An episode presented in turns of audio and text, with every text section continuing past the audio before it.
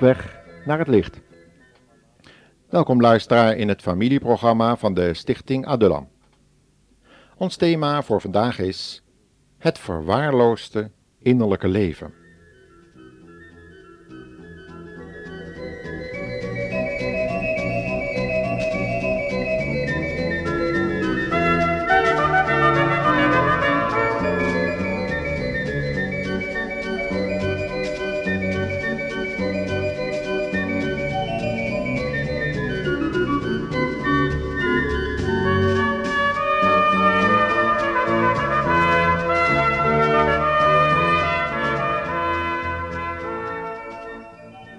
Hij was een invloedrijke voorganger van een grote gemeente. Zijn bediening verspreidde opmerkelijk veel zegen en vele mensen kwamen tot rust door het geloof in de Heer Jezus. Toch was de voorganger zelf niet in rust.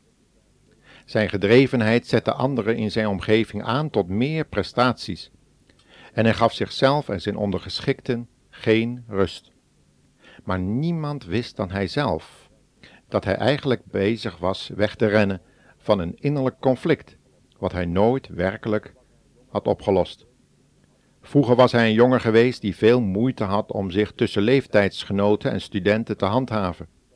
Gekweld door het gevoel om waardeloos te zijn door de voortdurende vernederingen en de schande, had hij zich voorgenomen zichzelf te bewijzen voor zijn omgeving. Na zijn bekering was deze gedrevenheid niet verdwenen, maar was alleen de wijze waarop dit tot uiting kwam veranderd. Nu moest hij de mooiste auto hebben, het duurste huis, de grootste kerk leiden en de duurste kleren dragen. Al die successen moesten dan bewijzen dat hij de depressies van zijn jeugd te boven was gekomen. Maar in werkelijkheid achtervolgden ze hem nog steeds. Diep in het centrum van zijn innerlijk leven waren er die onopgeloste problemen, die steeds maar weer de aandacht vroegen. Deze innerlijke problemen hadden zijn denken, zijn waarden en zijn beslissingen dusdanig ernstig beïnvloed dat hij blind geworden was voor de ware drijfveren van zijn activiteiten. En het resultaat? Een grote ramp, falen, schande en openbare vernedering. Maar er is gelukkig van deze man nog iets anders te zeggen. Hij is weer terechtgekomen. Door schade en schande wijs geworden, zocht hij hulp bij de Heer Jezus, die hem weer hoop gaf. Charles Blair, de gedreven man van vroeger, die wegrende voor schande, is nu een geroepen mens, die God dient met de oprechtheid van een gereinigde ziel. De schrijver van het belangwekkende boek Breng orde in uw leven, Gordon MacDonald, heeft vele levens van succesvolle, maar depressieve mensen met stressproblemen bestudeerd en kwam tot de conclusie dat er hoop is door Jezus Christus. Steeds weer horen wij van voorgangers die rijk geworden zijn door en tijdens hun prediking van Jezus Christus. Deze rijkdom blijkt, zoals Jacobus het zo treffend gezegd heeft, vaak verrot en niet in staat werkelijk gelukkig te maken.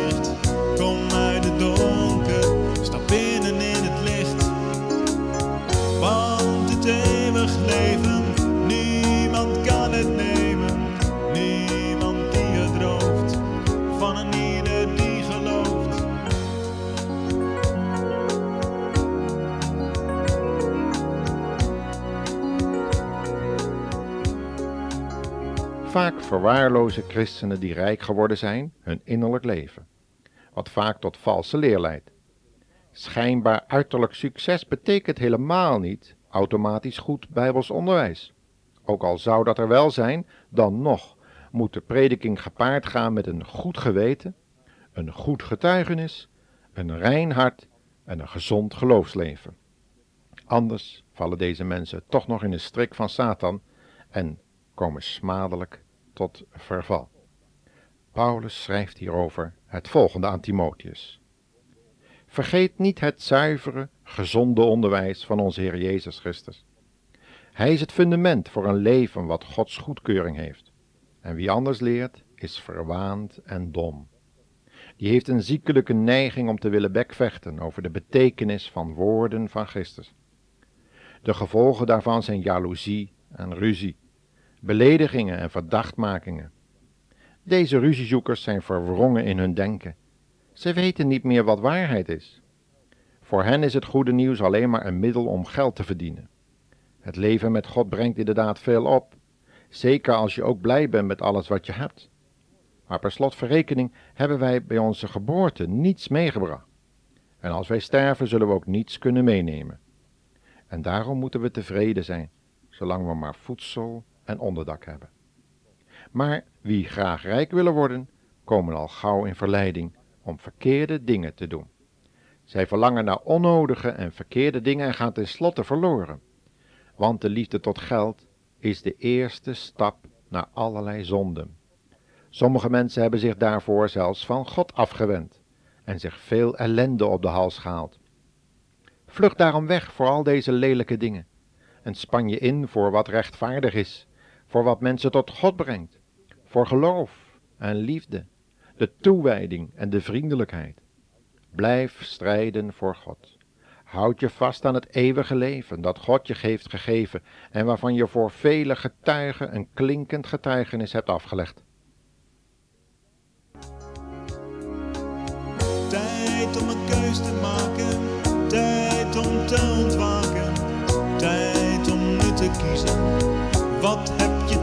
Verliezen? Jezus geeft je vrede, rekent af met het verleden. Hij kan je nu bevrijden en wil je leven leiden, want zijn juk is zacht en zijn last is licht. Kom uit het donker, stap in en in het licht. Want het eeuwig leven, niemand kan het die gelooft. Dank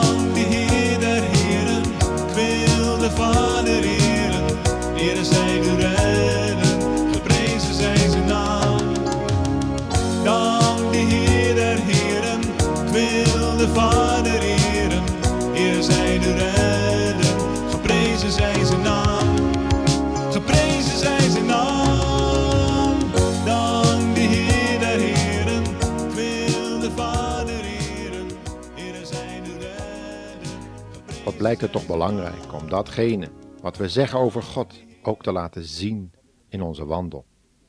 Wanneer we het woord van God in de mond nemen en niet hebben afgerekend met de frustraties van ons innerlijk leven en het verleden, dan komt dat vroeg of laat als zonde openbaar en brengt het ons en Gods kerk in een schandelijke positie. Paulus waarschuwt daartegen in de brief aan de Romeinen, hoofdstuk 2, vers 24. Er staat niet voor niets in de boeken: het is uw schuld dat de naam van God over de hele wereld door het slijk wordt gehaald. Vooral wanneer iemand veel in de publiciteit komt en Gods naam voortdurend noemt en meent anderen te moeten onderwijzen, zal de vijand van God in onze ziel proberen om ons in verleiding te brengen en te laten vallen in zonde. Vaak begint dat met hoogmoed toe te laten. Is het wonder dat God zijn dienstknecht Paulus dan een doorn in het vlees gaf, zodat hij zich vanwege die uitnemende openbaringen die hij kreeg en die hemelse heerlijkheden die hij zag, niet zou verheffen? Gordon MacDonald schreef over dat gevaar van gedrevenheid zonder innerlijke rust het volgende.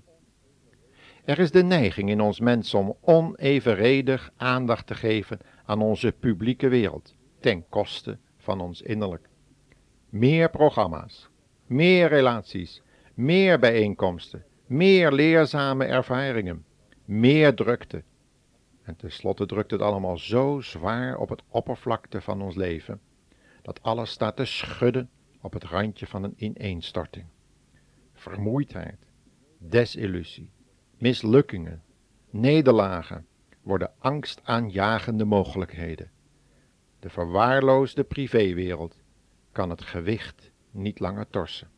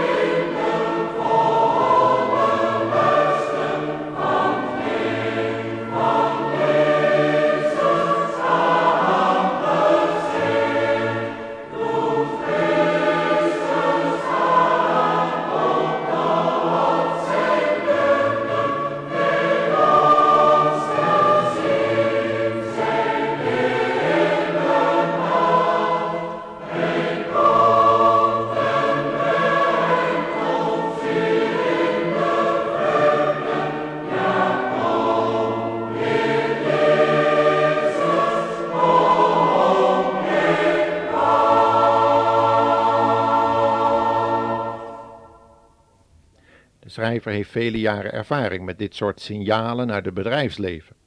En het zou niet verstandig zijn onderzoekingen op dit gebied te negeren. Heel vaak heeft deze werkdruk te maken met ons eergevoel en het minachten van de gaven en talenten van de ander, de collega, die een rang onder u staat. Velen willen alles alleen doen, eenvoudig omdat ze niet kunnen en willen delegeren of geloven dat die ander het wel eens beter zou kunnen dan zijzelf. Ook hierin is de Bijbel heel eerlijk, in de analyse van onze ziels, van onze gevoelens, van ons denken. Luister maar wat er in Filippenzen 2, vers 3 en 4 staat.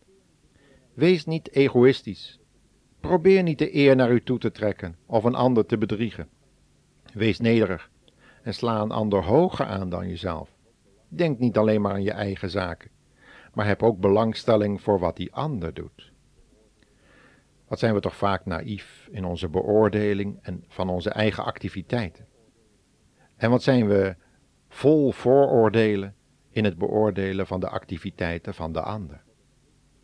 We zijn zo blind geworden voor de geestelijke drijfveren van ons eigen handelen, dat we vaak geloven dat iemand die naar buiten toe het meest actief is, automatisch ook het meest geordende leven heeft.